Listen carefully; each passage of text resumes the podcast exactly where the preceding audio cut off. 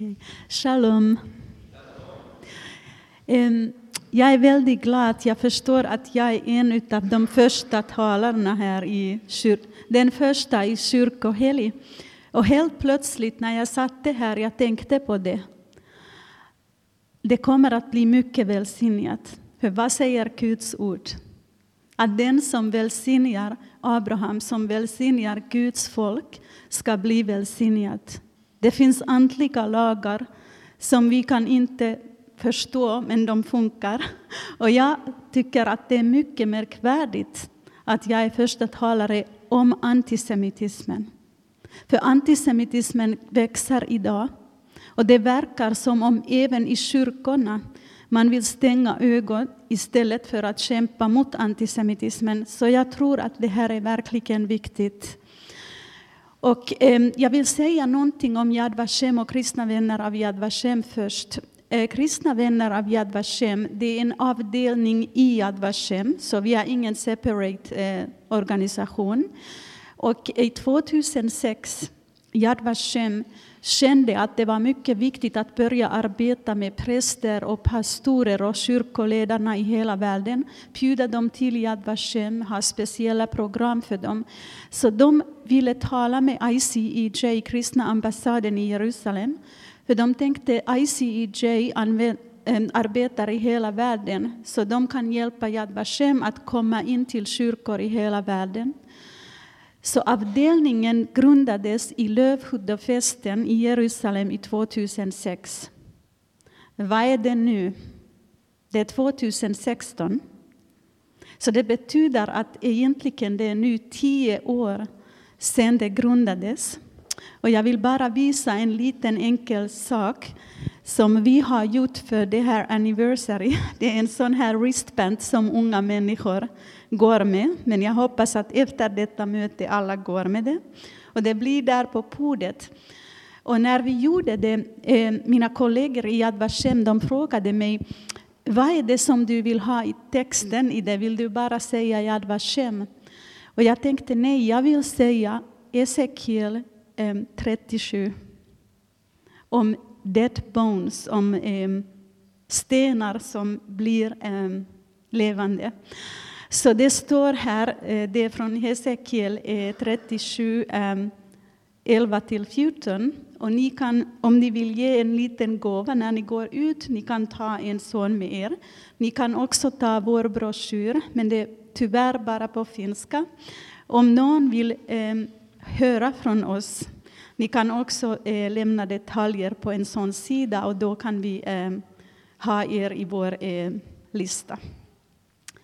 Men eh, när jag tänkte på det här att jag kommer att tala här om antisemitismen, jag tänkte först på namnet Yad Vashem, för jag tycker att där i namnet vi har redan mycket sånt som är viktigt att förstå innan vi går in i antisemitismen eh, idag. Och jag vill gå till eh, Jesaja 56 och 5. Och det är naturligtvis Yad Vashem, namnet kommer ut från det. Åt dem skall jag i mitt hus och inom mina murar ge ett minnesmärke och ett namn, en välsignelse som är bättre än söner och döttrar. Jag skall ge dem ett evigt namn som inte skall utplånas. Så Yad Vashem, Yad betyder minnesmärke och Shem betyder namn. Och en av de saker som Yad Vashem eh, gör sedan 1953 är att samla namn av de som dog i Holocaust, i Förintelse. Vi har samlat ehm, 4,3 eh, miljoner namn hittills och vi fortsätter med det arbetet. Det är mycket viktigt det här med namn. Och varför är det så viktigt? Jag vill tänka på det från två olika synpunkter. Först, när judarna kom till koncentrationsläger, vad var den första saken vad var den första um, humiliation, den första hemska sak som gjordes till dem? Det var det att de inte längre hade sina namn, utan de blev numren. Och det var ett nummer på tyska. Och en person som aldrig hade talat tyska i sitt liv, han måste inte bara känna igen när numret kallades, utan han måste också kunna säga numret. Vi förstår att det är nästan omöjligt för varje person i detta rum. Det är nästan omöjligt att kunna säga ett nummer som, på ett språk som vi inte talar. Vi i Yad Vashem, eh, jag antar att många har varit där. När ni går in i museet, första sak som ni ser, det är inte koncentrationsläger, utan det är judiska livet i Europa innan Holocaust. Om vi bara talar om de folk som döda som kroppar, då gör vi detsamma som tyskar gör det. Så det är viktigt för oss att vi börjar från innan 30-talet. Vi börjar från judiska livet i Europa innan Holocaust. Så vi ger dem tillbaka deras namn.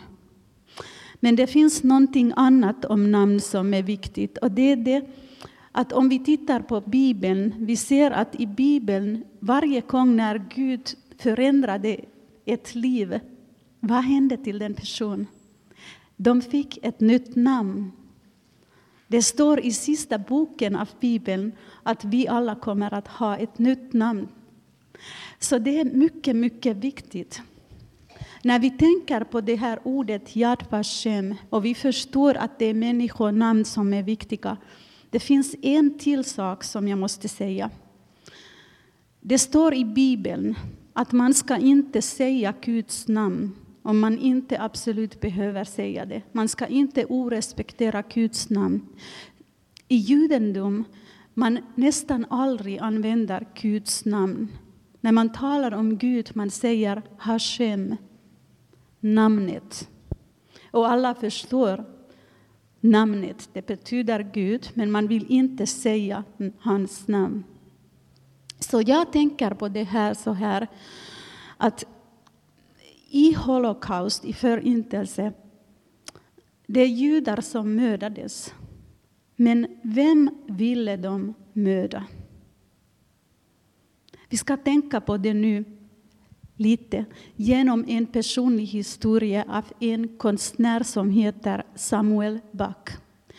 Samuel Back kom från judiska församling i Vilna. Om någon känner historien, vi vet att Vilna det var en mycket, mycket viktig judisk stad.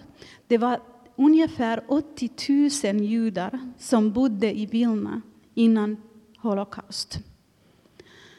Alla av dem togs till olika platser var de mördades. Och när kriget slutade, ut av 80 000 folk, bara 250 kom tillbaka. Jag vill, jag vill att vi ska tänka på det här nu. Utav 80 000 judar, 250 kom tillbaka.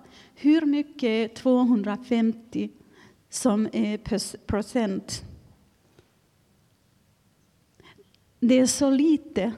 Jag har inte gjort den här räkningen och jag är mycket dålig på matematik. Men det är så lite, men vi förstår att nästan hela församlingen mördades. Och Samuel Back han föddes i 1933. Så han var en ung pojke när han togs till en koncentrationslager och han överlevde tillsammans med hans mamma.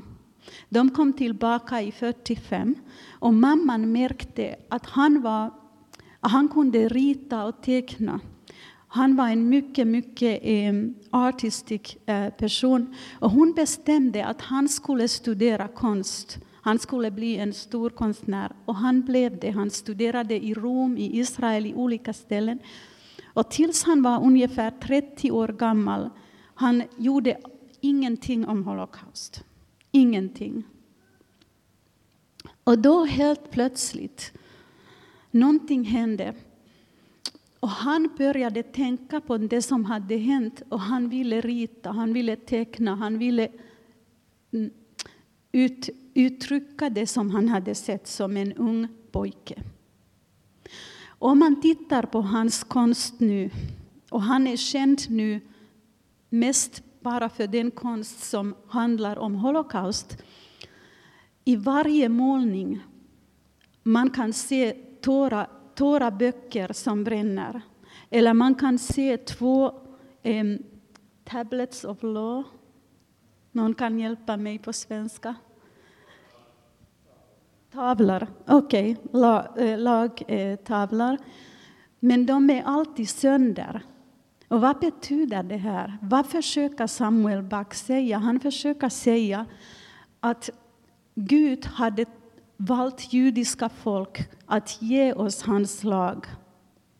Och det var det laget som de gick mot. Och det är därför att i kristallnacht, när vi tänker på 38, det är den första um, stor um, våldsam action mot judiska folket, att det är synagoger som bränner. Så när jag vill nu gå in i antisemitismen, jag vill tänka på det på det här sättet att egentligen antisemitismen, om vi bara förklarar det som, akademik, som akademiska eh, forskare, om vi bara använder ord från eh, akademin eller vetenskap, på något sätt vi kan aldrig gå in i det. Vad är egentligen antisemitismen? För det finns någonting andligt i det. Om man inte kan ta den i hänsyn, om man inte kan tala om det andliga, man kan inte förstå varför, varför det hat som fanns mot judarna på 30-talet eller på medeltids, medeltidsdagar, varför det finns fortfarande idag. Och jag skulle vilja nu gå till eh, Bibeln och jag skulle vilja börja från början. Och jag vill gå till eh, Första Moseboken 15. Och vi börjar där och vi kommer till svåra dagar. Och jag börjar läsa från, eh, från början av eh, Första Mosebok 15. Därefter kom Herrens ord till Abraham i en syn. Han sa, frukta inte Abraham, jag är din sköld, din lön skall bli mycket stor. Men Abram sa, Herre, Herre, vad skall du ge mig? Jag går ju bort barnlös, och arvinge till mitt hus är Eliezer från Damaskus. Och sen så går vi fram eh, lite och vi, vi ser vad Gud säger till honom. Från vers 9. Då sa han till honom, Hämta åt mig en treårig kviga, en treårig gett, en treårig bagge, en turturduva och en ungduva. Han hämtade alla dessa åt honom och styckade dem mitt i och lade styckena mot varandra. Men fåglarna styckade han inte. Och rovfåglar slog sig ner på de döda kropparna, men Abraham drog, drog dem bort dem. När solen höll på att gå ner föll en tung sömn över Abraham och se, då kom skräck och ett stort mörker över honom. Och Herren sa till Abraham, det skall du veta att dina efterkommande skall bo som främlingar i ett land som inte är deras. Där skall de bli slavar och man skall förtrycka dem i 400 år, men det folk som gör dem till slavar skall jag döma. Sedan skall de dra ut med stora ägodelar. Och jag går nu till vers 17. När solen hade gått ner och det blivit alldeles mörkt syntes en rykande ugn med en brinnande fackla som, fram, som for fram mellan köttstyckena. På den dagen slöt Herren ett förbund med Abraham och sa åt dina efterkommande skall jag ge detta land. Och jag tror att det här är en mycket, mycket viktig ehm, ehm, vision, eller syn att förstå. Och jag vill säga någonting om en rabbi, Rabbi Rashi. Rabbi Rashi, han är från medeltiden. Egentligen han levde i tiden av eh, korståg. Och eh, han talade ganska mycket om vad är betydelsen med allt som hände. Och han tyckte att det var en nyckel här att förstå vad kommer att hända till judar i framtiden. Först av allt, första ordet här, det är därefter. Därefter kom Herrens ord, så vi måste ju förstå vad hände innan det. Och vad hände innan det? Vad händer i kapitel 14? Abraham hade räddat Lot.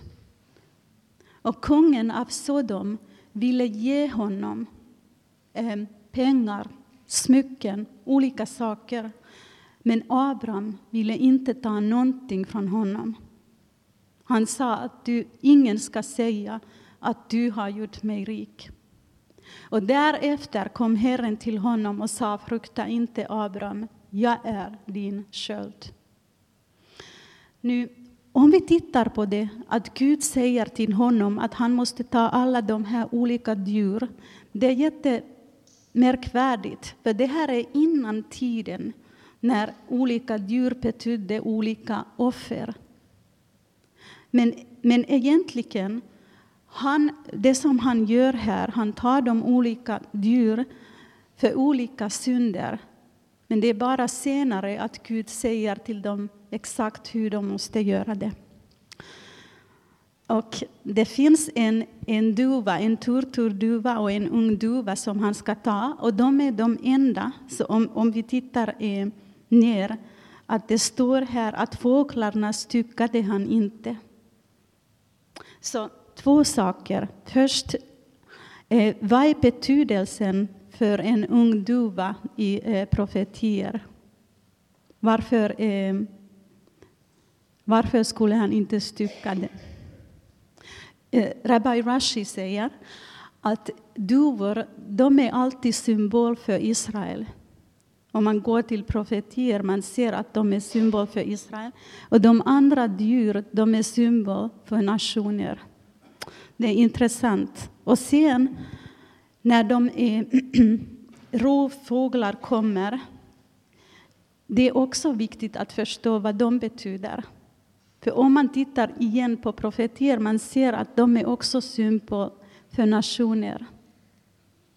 Så Rabbi Rashi, han säger att innan Abraham och Gud gjorde deras covenant kom de fåglar och försökte redan förstöra det. Och det kommer att bli judiska folkets öde. Varje gång när Gud vill göra någonting till dem, det kommer att bli en nation som kommer att försöka förstöra det. Och det kan vi se. Men det som är viktigast här i alla fall är ju det att Abraham, han somnade. Han sov, men Gud kom. Och Gud kom, och det står att han gjorde förbund med Abraham. Och det är det som är viktigt. Men, men det är viktigt för oss att förstå att från början, även innan Gud gjorde hans förbund med Abraham, redan det var sådana makter som ville förstöra det. Och sen om vi går eh, vidare i Bibeln, vi ser att det blir mer fiender för Abrahams eh, nation och vi förstår att det blir sådana fiender som kommer alltid att vara där, som kommer alltid att förstöra Abraham. Och en av de första fiender som blev en sån mystisk fiende, en mystisk fiende som kommer alltid att finnas till, säger Bibeln, är Amalek. Varför är Amalek annorlunda från andra fiender? När, eh, när, de eh, lämnade, när judiska folket lämnade Egypten det står i Bibeln att de ville vandra genom många olika länder. Men vi också ser att det var många nationer som var rädda för dem. Och de ville inte alls låta dem passa genom deras länder. Men vad gör Amalek? Amalek är den första nation som, är, som, är, som gör krig mot, eh, mot judarna. Så vi kan gå till eh, femte Moseboken eh, kapitel 25 och jag läser från eh, vers eh, 17. Kom ihåg vad Amalek gjorde mot dig på vägen när ni drog ut ur Egypten. Utan att frukta Gud gick han emot dig på vägen och slog din eftertrupp alla de svaga som hade blivit efter medan du var trött och utmattad. När därför Herren din Gud har låtit dig få ro för alla dina fiender runt omkring i det land som Herren din Gud ger dig till besittning som arvedel, då skall du utplåna minnet av Amalek under himlen. Glöm inte detta. Så, många, eh, många rabbiner säger att sista gången när vi ser Amalek i Bibeln, att det är i Esekiel. Att sista gången när det är en nation som heter Amalek, att det är i Esekiel. Så då, frågan är det, vad är Amalek då idag? Om Amalek som nation finns inte längre efter Esekiels dagar, vem är Amalek idag? Och då kan vi titta på den här texten från femte Moseboken och vi kan förstå att Amalek har eh, antliga eh, egendomar som vi kan förstå vem är Amalek om vi förstår hurdan han är. Eh, om man, om man läser genom den här versen man ser att han är stolt, att han fruktar inte Gud att han attackerar de som är svaga. Han tror inte på Gud och han hatar Israel.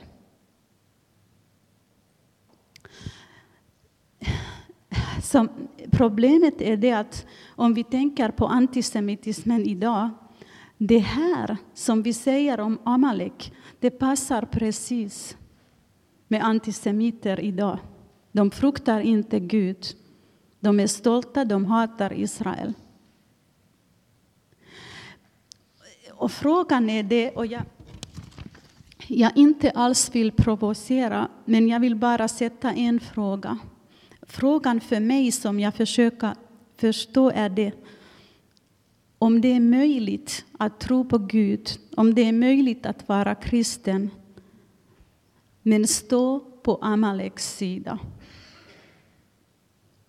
Och det här är en mycket, mycket viktig fråga och vi kommer till det sen. Men,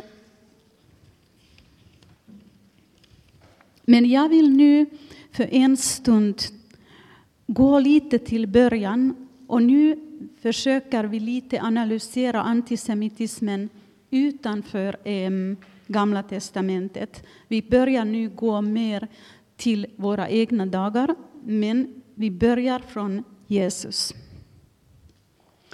Så det är jätteviktigt att förstå vem var Jesus och hur såg Jesus sig själv? Om han såg sig själv som en jude eller någonting annat. För det är liksom, om vi tänker på kristna antisemitismen, traditionella antisemitismen, frågan är ju precis det. Var är våra rötter? Som kristna, var är mina rötter? Vem är den Jesus som jag säger att jag tror i? Och jag skulle vilja ta två olika judiska högtider från Bibeln och se vad Jesus gör i de högtider och förstå om det betyder någonting som är viktigt för oss idag. Och första gång, först vi måste förstå någonting och det är det att om vi tänker på att vi är kristna, vi har en religion. Ofta vi vill inte kalla det religion, vi säger att vi har faith, eh, tron, men, men det är också en organiserad religion. Men var är rötter av denna religion? Det är andra templets judendom. Om vi läser om Jesus, var, var ber han? Han ber antingen ensam i ensamma ställen när han behöver vara i lugn och ro. Eller han ber var? I templet eller i en synagog. Han går upp i synagog och han läser vad är den veckans stora portion. Så det är andra templets judendom som är våra rötter. Och då, en av de saker som jag skulle vilja titta på är det att när uppenbarar sig Jesus som Messias. För det kan vara ganska viktigt. När uppenbarar sig han, han sig som Messias. Så om vi går till eh, Johannes eh, 7 och 37, där det handlar om lövhuddafesten. På den sista dagen, den största i högtiden, stod Jesus och ropade om någon förstår, om, någon törstar, så kom till mig och drick. Den som tror på mig, ur hans innersta skall strömma av levande vatten flyta fram, som skriften säger. Detta sa han om anden, som de skulle få som trodde på honom. Ty anden hade ännu inte blivit utgjuten eftersom Jesus ännu inte hade blivit förhärligad. Några ur folkhopen som hade hört hans ord sa han är verkligen profeten. Andra sa han är Messias och andra inte kommer väl Messias från Galileen. Men de här orden, varför säger, säger Jesus dem precis då? Varför talar han om vatten? Om ni har varit i Israel på lövhuddefesten, ni kanske vet om det att i den tiden när templet fortfarande stod i Jerusalem, prästerna skulle ta vatten från, från Shiloa pool och ta den tillbaka till templet. Och en av de texter som man läste, det var från Jesaja 12. Och jag läser. På den dagen skall du säga, jag tackar dig, Herre. Du var fred på mig, men din fred har upphört och du tröstar mig. Se, Gud är min frälsning. Jag är trygg och fruktar inte.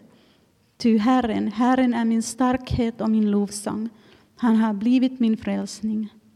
Med fröjd skall ni ösa vatten ur frälsningen källor.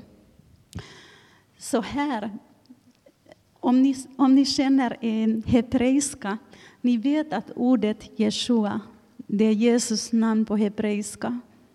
Och ni vet också att frälsning på hebreiska är också Jeshua. Så han egentligen, vad han säger, han säger jag är frälsning. Jag är Jeshua. Och han tar det ut från Isaia, en text som tillhör den, eh, den högtiden. Så det, jag, jag känner så här att det, Jesus han ville uppenbara sig i den högtiden som i judendom är en av de högtider när man väntar på Messias. Det var hans judiska identitet. Och den andra högtid är i Johannes 10, 22. Och det här det är intressant, för den här högtiden finns inte i Gamla testamentet. Det är en högtid som egentligen kommer från perioden mellan Gamla och Nya testamentet, och det är naturligtvis Chanukka. Och då, nu, jag läser från kapitel 10, från vers eh, 22. Nu inföll tempelingivningens högtid i Jerusalem. Det var vinter och Jesus gick omkring i Salomons pelarhall i templet.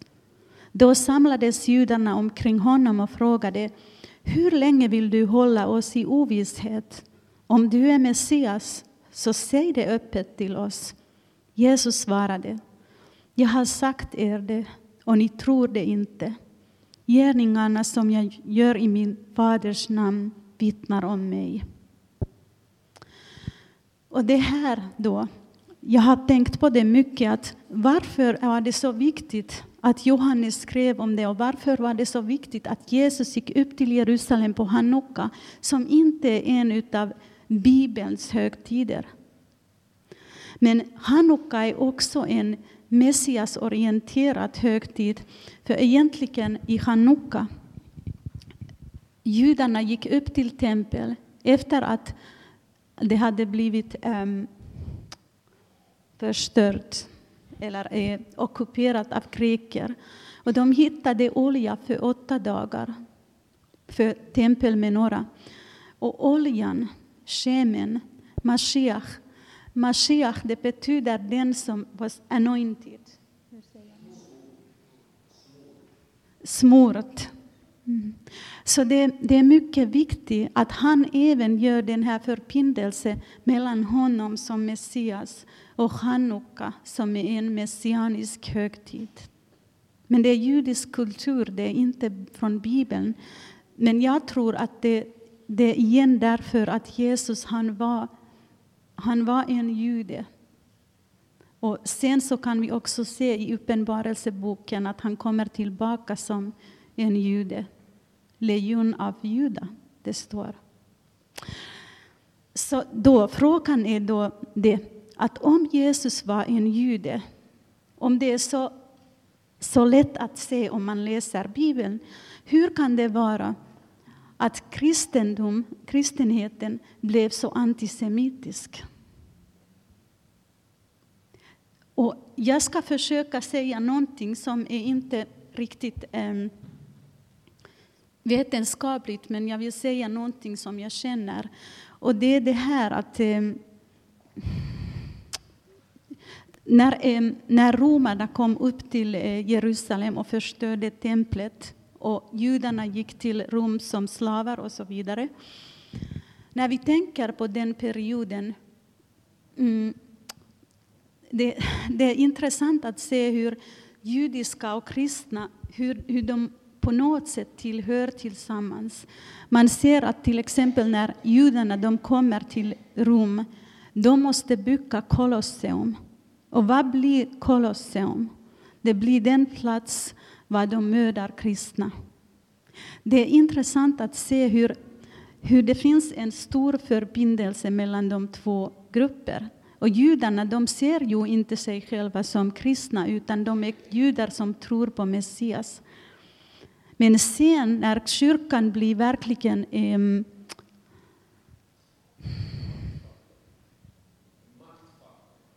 Nej, eh, jag menar att det blir mer inte, det blir mer inte judar som blir liksom i kyrkan. När det blir, när det blir mindre judar och mer sådana som inte har judiska rötter i kyrkan, då börjar problemet. Så först vi förstår att både kristna och judar i Rom, de, de hade stora svårigheter och judarna de utvisades från romerska eh, riket. Men sen, som du sa, kyrkan blir makt i romerska riket. Och vi kan gå tillbaka till 325 och till eh, Konstantin den store som sammankallade första konciliet.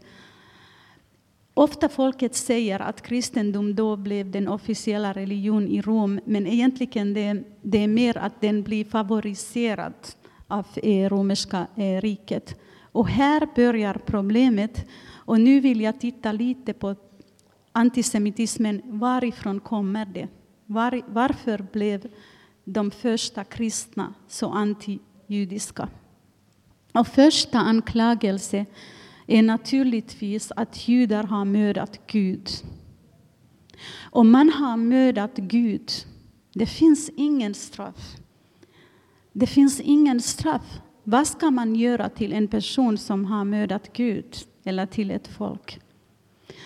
Och den här anklagelsen om vi vill stå för judiska folket, om vi vill stå mot kristna antisemitismen, det finns olika sätt hur man kan se det. Och jag vill gå tillbaka nu för en stund till Bibeln och ta två olika, um, två olika saker uh, som är hur jag förstår det här. Alltså, om vi går tillbaka nu till um, judar i Egypten Frågan är det, när judarna, när de lämnade Egypten, de var ett folk. Men när blev de en nation? När de, när de lämnade Egypten, de var slavar, men de var en nation. Men när blev de en, en, ett folk, men när blev de en nation?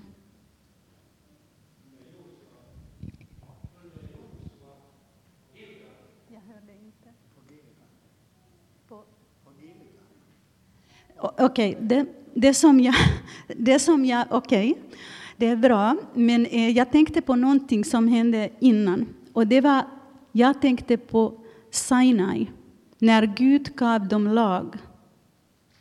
För om man, eh, för ett folk att bli en nation, man behöver ha en kung, man behöver ha en regering, men man behöver också att ha ett lag. Och det står i Bibeln att lag är också för de judar som inte var där den dag. Om man läser noggrant, man ser att det står så. Så rabbinerna har tolkat det. Och de säger att på ett mystiskt sätt, på ett sätt som man inte kan förklara. Varje jude är ansvarig för lag, så varje jude på något sätt var där när de fick lag. Så nu vill jag tänka på oss som kristna. Vad är det som gör oss till kristna? Och jag känner så här att det finns någonting som är lite liknande till det här vad rabbinerna säger. När Jesus dog på ett mystiskt sätt som jag inte kan förklara jag var där. För det var ju mina synder som mördade honom. Om mina synder var där när Jesus dog. Det betyder att jag också kommer att vara med honom i himlen. Men om inte jag var där, om jag inte har en del i hur han dog, då kommer jag inte att ha en del när när han gick upp till himlen. Och jag känner så här att det är viktigt att vi förstår detta. För judarna, de var en av de folk som var där när Jesus mördades, eller när Jesus gav hans liv, som han sa. Men romerska riket då i den tiden, den presenterade hela världen. Och det är därför, tror jag, att Bibeln så noggrant och så detaljerat berättar om vem var där. Och vi förstår precis vem hade makt. Vi förstår precis vad hände. Den andra anklagelsen mot judar, naturligtvis ni alla har hört om, för det finns fortfarande mycket starkt idag. Och det är det här att Gud hade valt judar, men de hade gjort ett så dåligt arbete som hans folk att han har ersatt dem och kyrkan har nu tagit deras plats. Och det här vi kallar ersättningsteologi. Och nu måste vi titta på Bibeln igen, att förstå om det här är sant, om det kan vara sant att Gud säger att han gör ett förbund med Abraham för evighet. Men när Abraham inte gör ett bra jobb, han bara bestämmer, att det inte finns till längre. Och jag tänkte så här, att vi skulle kunna gå till eh, Jeremia 31. Och i Jeremia 31, Gud talar om hans förbund med judiska folket och jag läser från vers 35. Så säger Herren, han som har satt solen till att lysa om dagen och månen och stjärnorna till att lysa om natten i ordnad gång, han som rör upp havet så att dess böljor brusar. Herren Sebaot är hans namn. Om denna ordning inte längre består inför mig, säger Herren, först då skall Israels släkte upphöra att vara ett folk inför mig för alltid. Så säger Herren, om himlen där ovan kan mätas och jorden grundvalar där nere kan utforskas, Först då skall jag förkasta hela Israels släkte för allt vad de har gjort, säger Herren. För mig det är mycket, mycket klart att Gud har gjort ett förbund och vi har blivit kallade in och vi kan dela i många välsignelser med judiska folket, men vi har inte tagit deras plats. Och ni behöver inte alls bry er om vad jag säger, för det är Bibeln som säger det. Och vi måste gå tillbaka till Bibeln och vi måste förstå från Bibeln och bara från Bibeln. Vad är sanningen? Men kyrkan går bort från bibliska sanningen, om man kan säga så. Och vi har, jag tror inte att vi kommer att gå nu till alla kyrkofäder, men jag vill bara säga några ord om medeltiden. I medeltiden, eh, när judarna, när de måste, eh, hur ska man säga, eh, i medeltiden kyrkan bestämmer att judar de måste straffas för det som de har gjort, det som de säger att de har gjort. Också att när man ser dem, att de lider, det är egentligen ett tecken att Gud har kastat dem bort. Det är teologi, men det är teologi som man ser som har praktiska konsekvenser. Och varför är det så? Det här är viktigt att förstå. När romerska riket går ner, det är kyrkan som har makt, politisk makt. Så teologi som vanligtvis skulle inte vara så viktigt och så farligt, det blir det därför att i mest länder var judarna bor, teologin blir laget av de länder.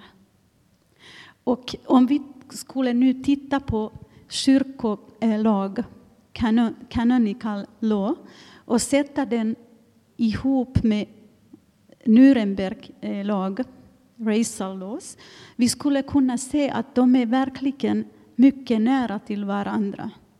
Så allt detta, spanska inkvisitionen och allt som händer och rasismen, allt som händer, det är mycket viktigt. För vi kan inte förstå Förintelsen, vi kan inte förstå vad händer i Europa på 30 och 40-talet om vi inte förstår den här långa historien som kommer innan det. Så man skulle kunna på något sätt säga att i Europa egentligen folket får antisemitismen från gener generation till generation. Alltså det är en generation efter en annan. Och de får de här idéerna det bara går fort, fort, fort. Så att när Hitler grundar nazipartiet i 1917, egentligen det är inte någonting nytt som han måste eh, hitta på, utan han tar allt som redan finns. Och han kan använda det. Och det är det som händer. Och eh, jag tänkte så här, att att jag kommer inte att tala nu om Holocaust idag, om Förintelsen. För jag tycker att det är mer viktigt för oss nu att gå, fort, eh, gå till eh, ehm, antisemitismen idag. Men nu måste vi se någonting som är ändå mycket viktigt att förstå, och det är det här att tills 1945, till slutet av andra världskriget, var var hjärtat av judiska folket? Var var centrum av judiska livet?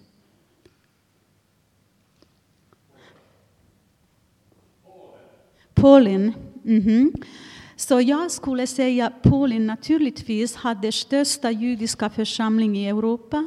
Det var 3 200 000 folk. Det är Östeuropa, Polen och Ryssland och så vidare alla största rabbiner, de är aktiva där. Det är största judiska församlingar.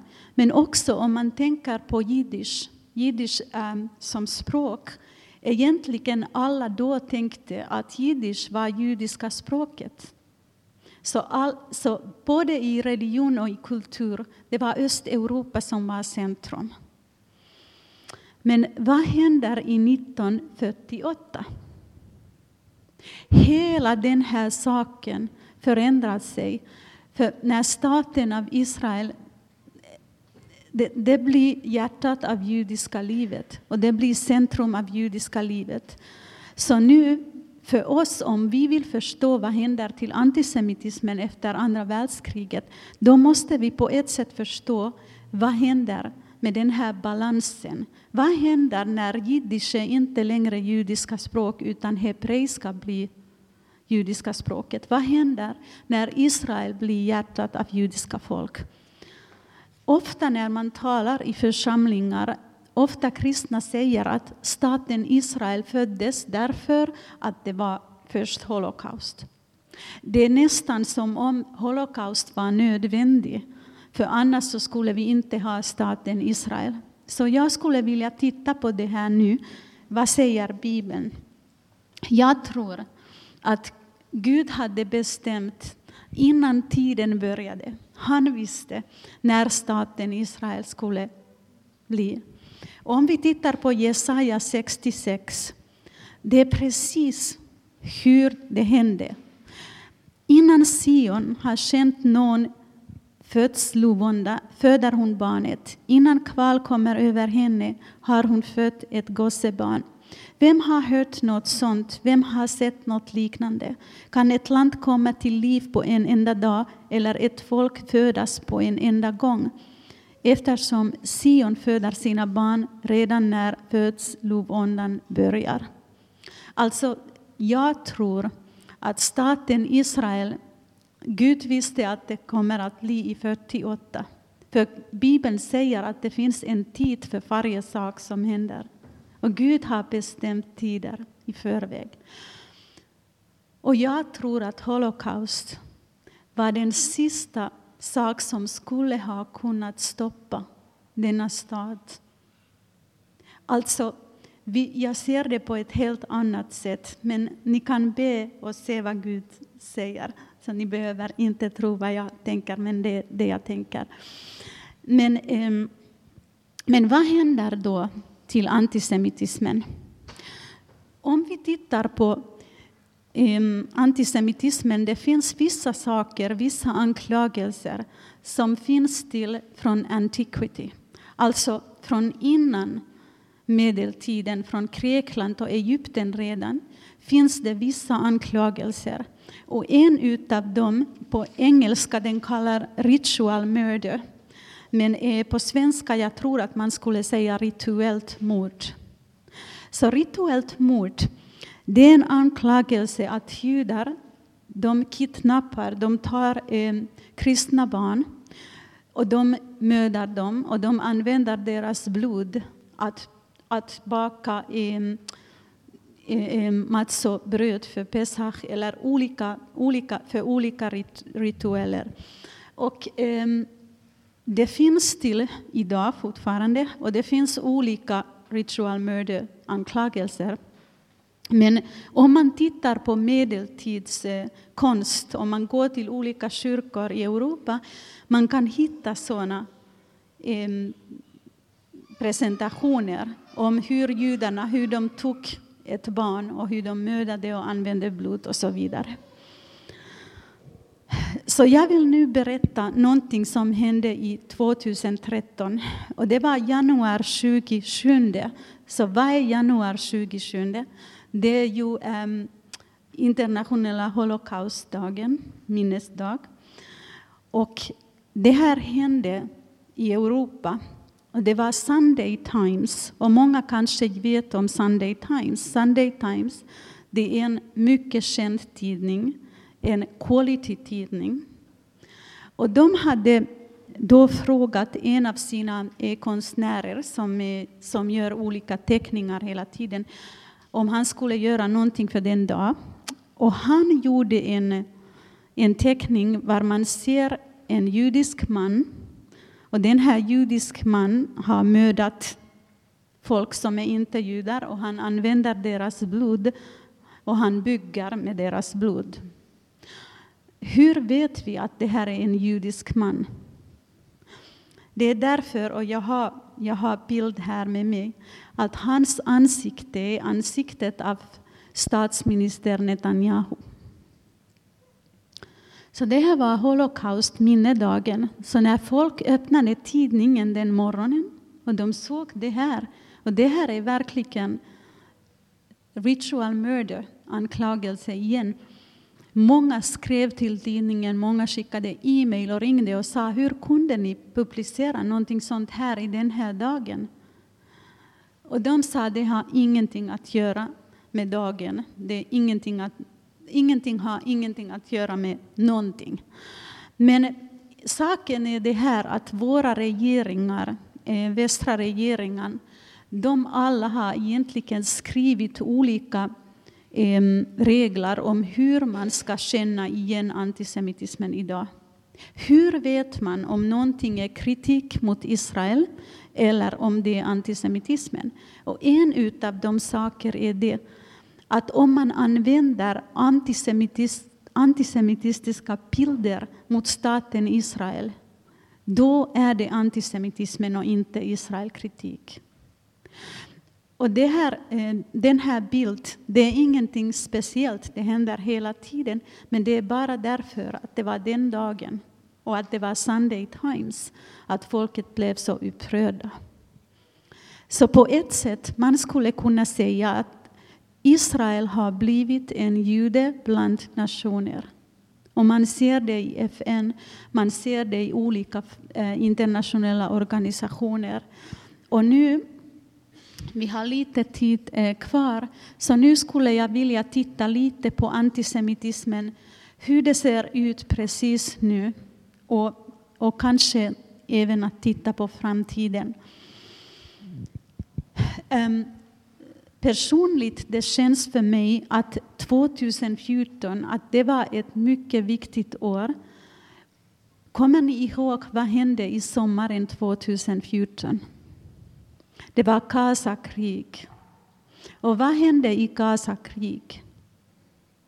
Innan Gazakrig började det var tre judiska pojkar som kidnappades och mördades. Ehm, statsminister Netanyahu från början sa att han trodde att det var Hamas.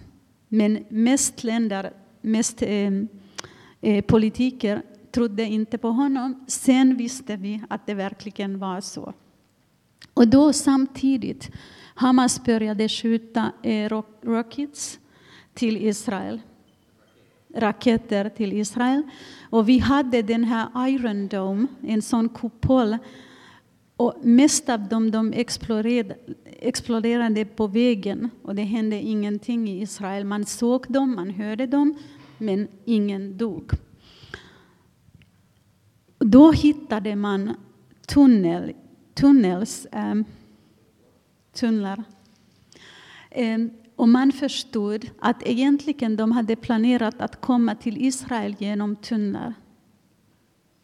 Det är mycket, mycket mycket är seriöst.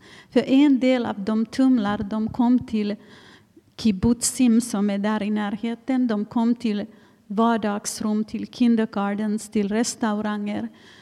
Och idén var ju det att Hamas skulle skicka folk, de skulle kunna komma ut från tunnels och ta så mycket folk som möjligt med sig, kidnappa folk. Och det skulle bli kaos i hela landet. Och det här var kriget. Mm.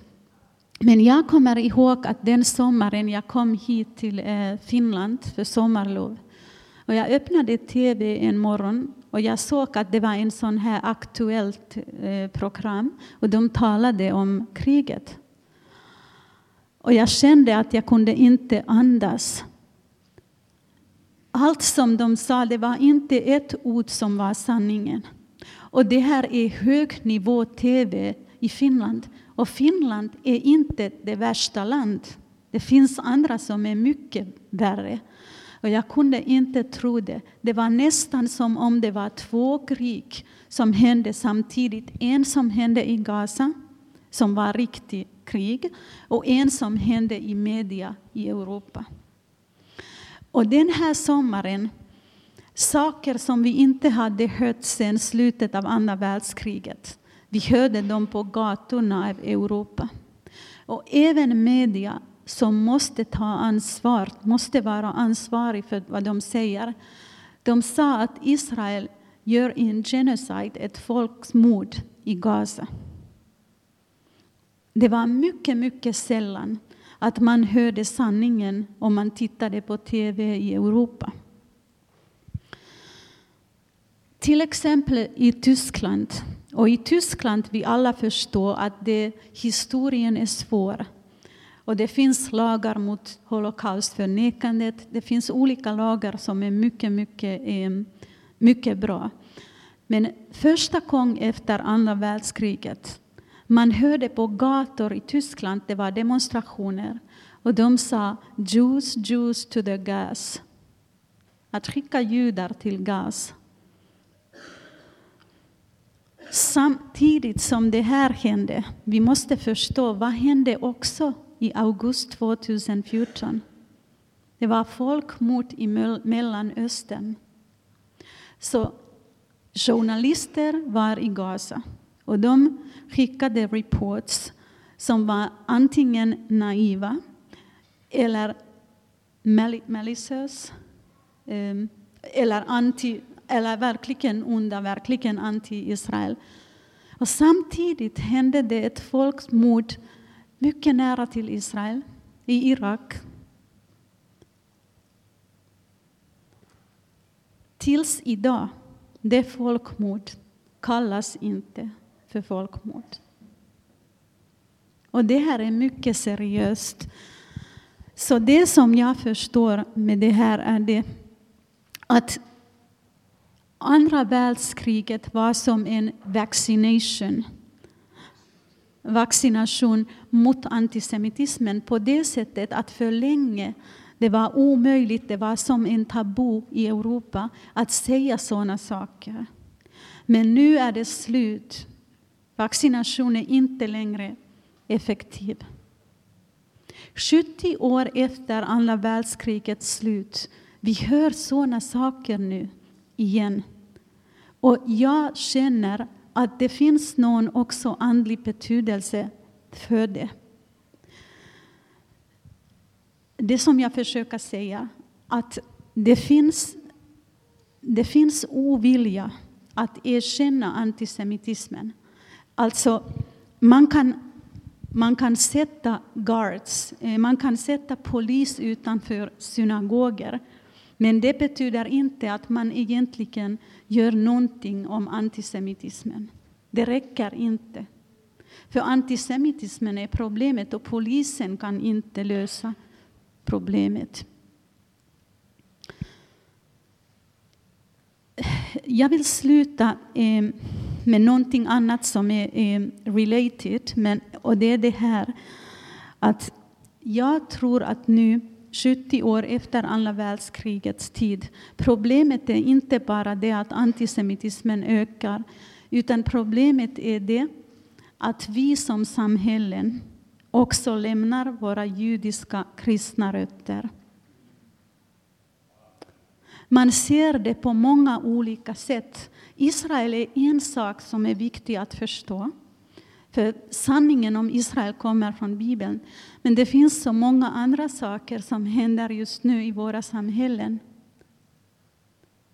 Om vi inte längre kan säga att vi har våra värden från Bibeln och judiska kristna värden, då betyder det att vi har lämnat dem. Om samhällen lämnar sina judiska kristna värden, hur kan de kämpa mot allt det som händer just nu?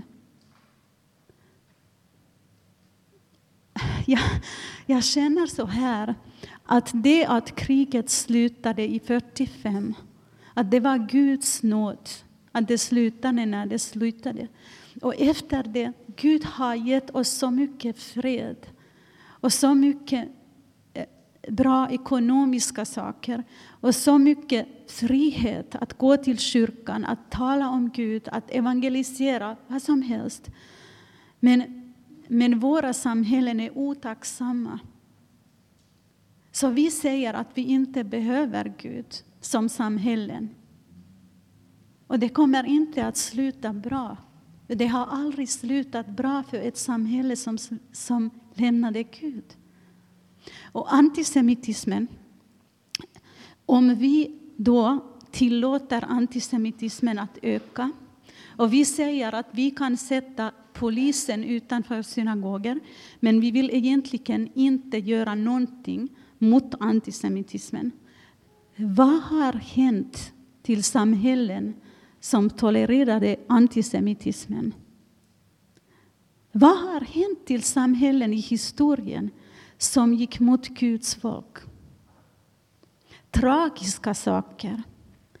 Och jag, jag kan inte säga vad kommer att hända. Men jag bara, det är bara en känsla som man har, att man oroar sig.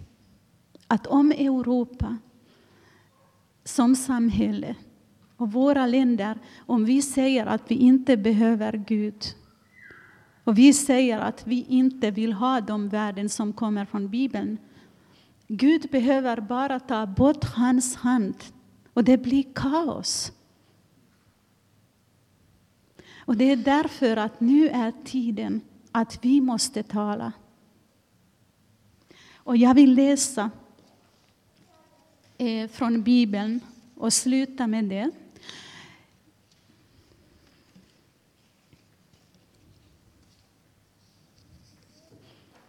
Först, det här är mycket, mycket viktigt från Hesekiel 20, versen 4.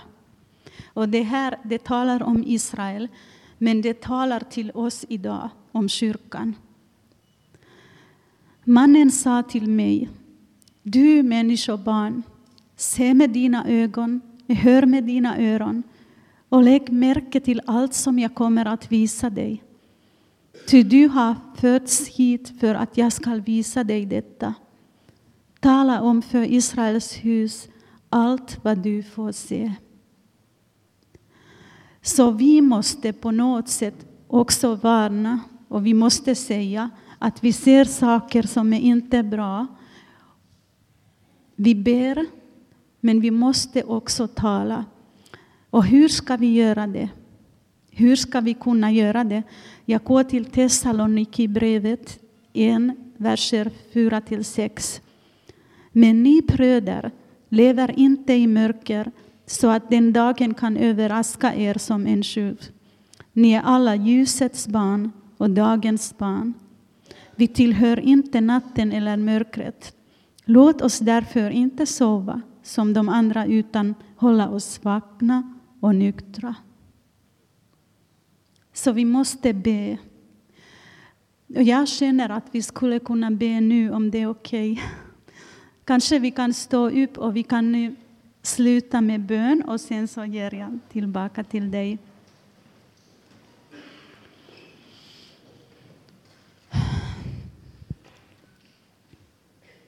Gud, vi är så tacksamma att vi kan vara här idag.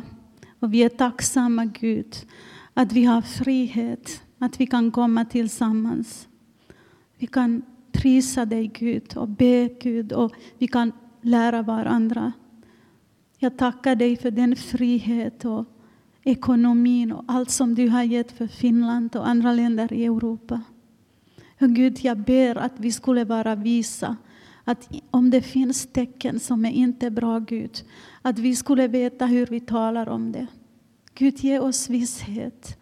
Att vi vet var vi måste stå. Och att vi kan stå och ha ljus och Gud, att alla kan se ljus som kommer ut. Och Gud, jag ber för Finland nu och jag ber för den här konferensen, Gud. Jag ber för varje person som kommer att tala, Gud, att de skulle säga ord som är från dig.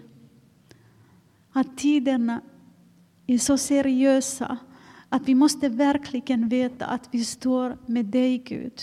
Att det är det som är det viktigaste. Tack Gud att jag får be för varje person som är här idag, i detta rum, Gud.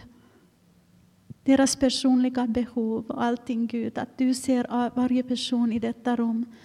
Tack Gud att vi får prisa dig och tacka dig för den här dagen som du har gjort. Amen.